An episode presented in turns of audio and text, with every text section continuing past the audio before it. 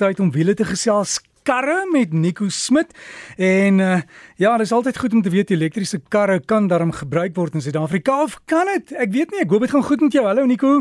Goeiemôre Derek. Dit gaan baie goed, dankie. Dis natuurlik naweek, baie mense het lekker lang naweek, so dit is altyd uh goeie nuus. So Derek, ons praat vanmôre oor elektriese karre. Spesifiek het iemand my die vraag gevra, hoeveel laaipunte is daar nou al in Suid-Afrika? Is daar al genoeg dat mense al gerieflik met 'n elektriese kar kan kan ry? Nou, dis dadelik die eerste ding van elektriese karre en wat hulle so gerieflik maak. As ons dink aan 'n gewone kar en dink mens altyd waar is 'n volstasie of waar is die naaste volstasie? Waar gaan ek die kar vol maak? En die groot voordeel van 'n elektriese kar is daar is miljoene laadstasies in Suid-Afrika want jy laai jou kar by die huis en dis wat dit so gerieflik maak. Jy fisies stop die kar in die in die in die motorhuis in die garage of waar jou laaipunt is Ehm um, prop eenvoudig die voertuig in, laai oornag, die volgende oggend is daar genoeg krag um, om weer lekker ver te ry. Nou ek, weet baie mense gaan natuurlik onmiddellik sê, weet jy wat wat van Eskom en en die kragprobleme. Maar die voordeel van elektriese karre is dat vir die algemeen hulle redelik vinnig laai. So een ding wat jy verseker moet weet, by jou huis gaan 'n 3-punt prop in 'n elektriese kar glad nie saamgaan nie. Dis net eenvoudig nie genoeg krag nie. Maar in enige standaard huis met enkelfase kan jy nog steeds maklik 'n elektriese kar laai. Dit gaan maar eenvoudig net oor 'n oor 'n klein modifikasie aan elektriese drade. So van waar jou kragpunt is, gewoonlik is dit 'n bietjie dikker draad wat bietjie meer stroom kan dra, meer ampere en dit beteken dan dit is genoeg om jou om jou kar gerieflik te laai. So as jy gewoonlik in Suid-Afrika meeste vervaardigers wanneer jy 'n elektriese kar koop, sluit dan ook 'n laaier in. So die laaier word dan by jou uh, huis geïnstalleer waar jy jou voertuig parkeer. So kom ons sê weer eens dis in die in die in 'n garage en dan uh, die modifikasie word gemaak aan die in die kabels en dis dan genoeg om jou voertuig teen om en by 7.2 kW te laai. So as mens teen 7.2 kW laai, is dit redelik vinnig om die voertuig se battery met genoeg energie te vul. Die ander ding van elektriese karre en die laai van elektriese karre is gewoonlik uh, maak ons ons brandstoftank vol en jy ry tot die liggie aangaan.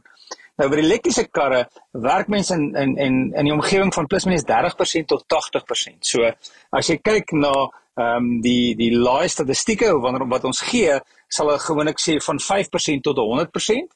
En dis om en by dubbel van 5% tot 80%. Met ander woorde tot 80% is gewoonlik die helfte van die tyd van jou voertuig laai. So as jy kom ons sê voertuig is op 5% wat regtig baie laag is en tot 80% is helfte van die tyd tot 100% is natuurlik die volle tyd. So kom ons sê as jy 7.2 kW het, sal dit jou om en by 13 ure vat van 5% tot 100% om jou battery vol te laai.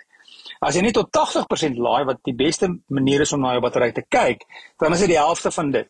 So dis omtrent 6 en 'n half ure. So as jy daaraan dink, al het jy load shedding vir 4 ure, het jy net 6 en 'n half ure nodig om weer jou battery vol te laai. So dit maak regtig elektriese karre baie gerieflik want selfs met baie slegte load shedding kan jy nie by die huis stop, die voertuig se battery vol laai en dan die rykafstand van van elektriese karre word al hoe beter en beter en kom ons sê selfs dis baie sleg en is 250 km ehm um, het jy elke dag 250 km. So as jy regtig baie ry, dis dit moontlik nie die oplossing vir jou nie, maar as jy in die stad bly en jy ry nie so baie nie, ehm um, dan werk dit vir baie mense so uit dat hulle elke naweek of selfs elke tweede naweek kan laai. So dis die gerief van elektriese karre, is die feit dat mense eintlik by die huis laai meeste van die tyd.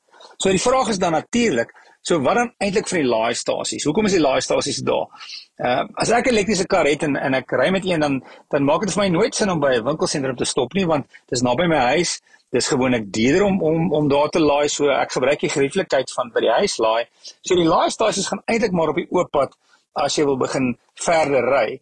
En dan kyk ons na om en by 440 laaistasies. Ek het nou um, die beste oplossing of die beste plek eerder om te kyk na die laaistasies is op Gridcars. So as jy gaan na Gridcars se se webtuiste, hulle is die maatskappy wat ehm um, die tans die die line netwerk beheer ehm um, en jy gaan dan na die live map opsie, dan gaan jy ehm um, sien waar is al die laai stasies. Nou die webtuiste sê 350 laai stasies of laai punte eerder.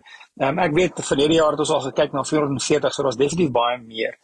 So dis meer vir lang afstand wanneer jy 'n laaistasie gebruik. En dan wil jy ook 'n ander tipe krag gebruik as by die huis. So by die huis gebruik mens wisselstroom.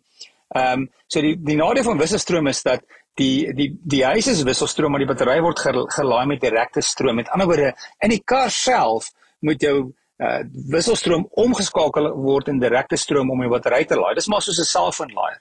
Nou die nadeel van dit is daar's gewoonlik 'n beperking 11 kW of miskien 22 kW. Met ander woorde, ehm um, dit daar's 'n beperking op hoe vinnig die kar kan laai omdat jy altyd daai omskakeling moet maak tussen gelykstroom of wisselstroom eerder en gelykstroom. Nou die voordeel van laaistasies op in in 'n publieke pad of waar ook al is die feit dat hulle baie maal ook gelykstroom laaistasies is. Met ander woorde, dit is gelykstroom wat direk in die battery ingaan en dan is daar nie regtig iets wat keer nie. Dit is word dan um, per voertuig bepaal hoe vinnig kan hulle laai.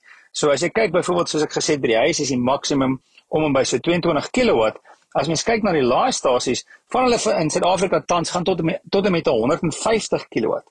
So jy kan dink as jy na 150 kW kyk en ons gebruik weer daai vergelyking van 5% tot 100%, beteken dat jy as jy by 150 kW laaistasie laai, gaan jy in 30 minute om by 340 340 km kilometer ryk afstand bysit. Met ander woorde, na 'n halfuur kan jy weer redelike groot afstand ry. So Ehm um, die die netwerk is al baie goed as mens Durban toe ry is dit baie maklik. Mens kan maklik Kaapstad toe ry. Daar is sekere areas waar die netwerk definitief moet groei. Maar op 'n van die dag, die ding met elektriese karre wat ons moet besef, tans is, er, is hulle redelik duur en en baie van hulle is onbekostigbaar duur. Ehm um, maar die vervaardigers en, en meeste van hulle het gesê hulle fokus is elektriese karre. So ons moet al klaar begin dink, selfs as jy 'n nuwe huis bou, sal ek voorstel dat jy begin dink aan laaipunte by jou huis want oor 10 jaar is uh, elektriese karre baie baie meer bekostigbaar. Hulle is iets wat ons baie meer sien en dan is jou huis al klaar reg ingerig. So die einde van die dag, Derek, ehm um, is elektriese karre iets vir die toekoms. Ek weet ons het maar baie frustrasies met Eskom, maar die feit van die saak is vervaardigers oor die wêreld se fokus is elektriese karre so Hoopelik sal ons vinnig ons ons netwerk kan uitsorteer en ook kyk op uh, ander maniere van van krag ontwikkel. Hernubare ontwikkeling van elektrisiteit natuurlik is die die beste manier om te gaan veral met elektriese karre. Ja, die toekoms, die toekoms nee Nico en dit dan Nico Smit met ons wiele bydra hier op RSG en ja, as jy elektriese motor beplan onthou beplan vir die laaipunt ook by die huis. Maar die die ouens wat dit verkoop, hulle sal vir jou sê.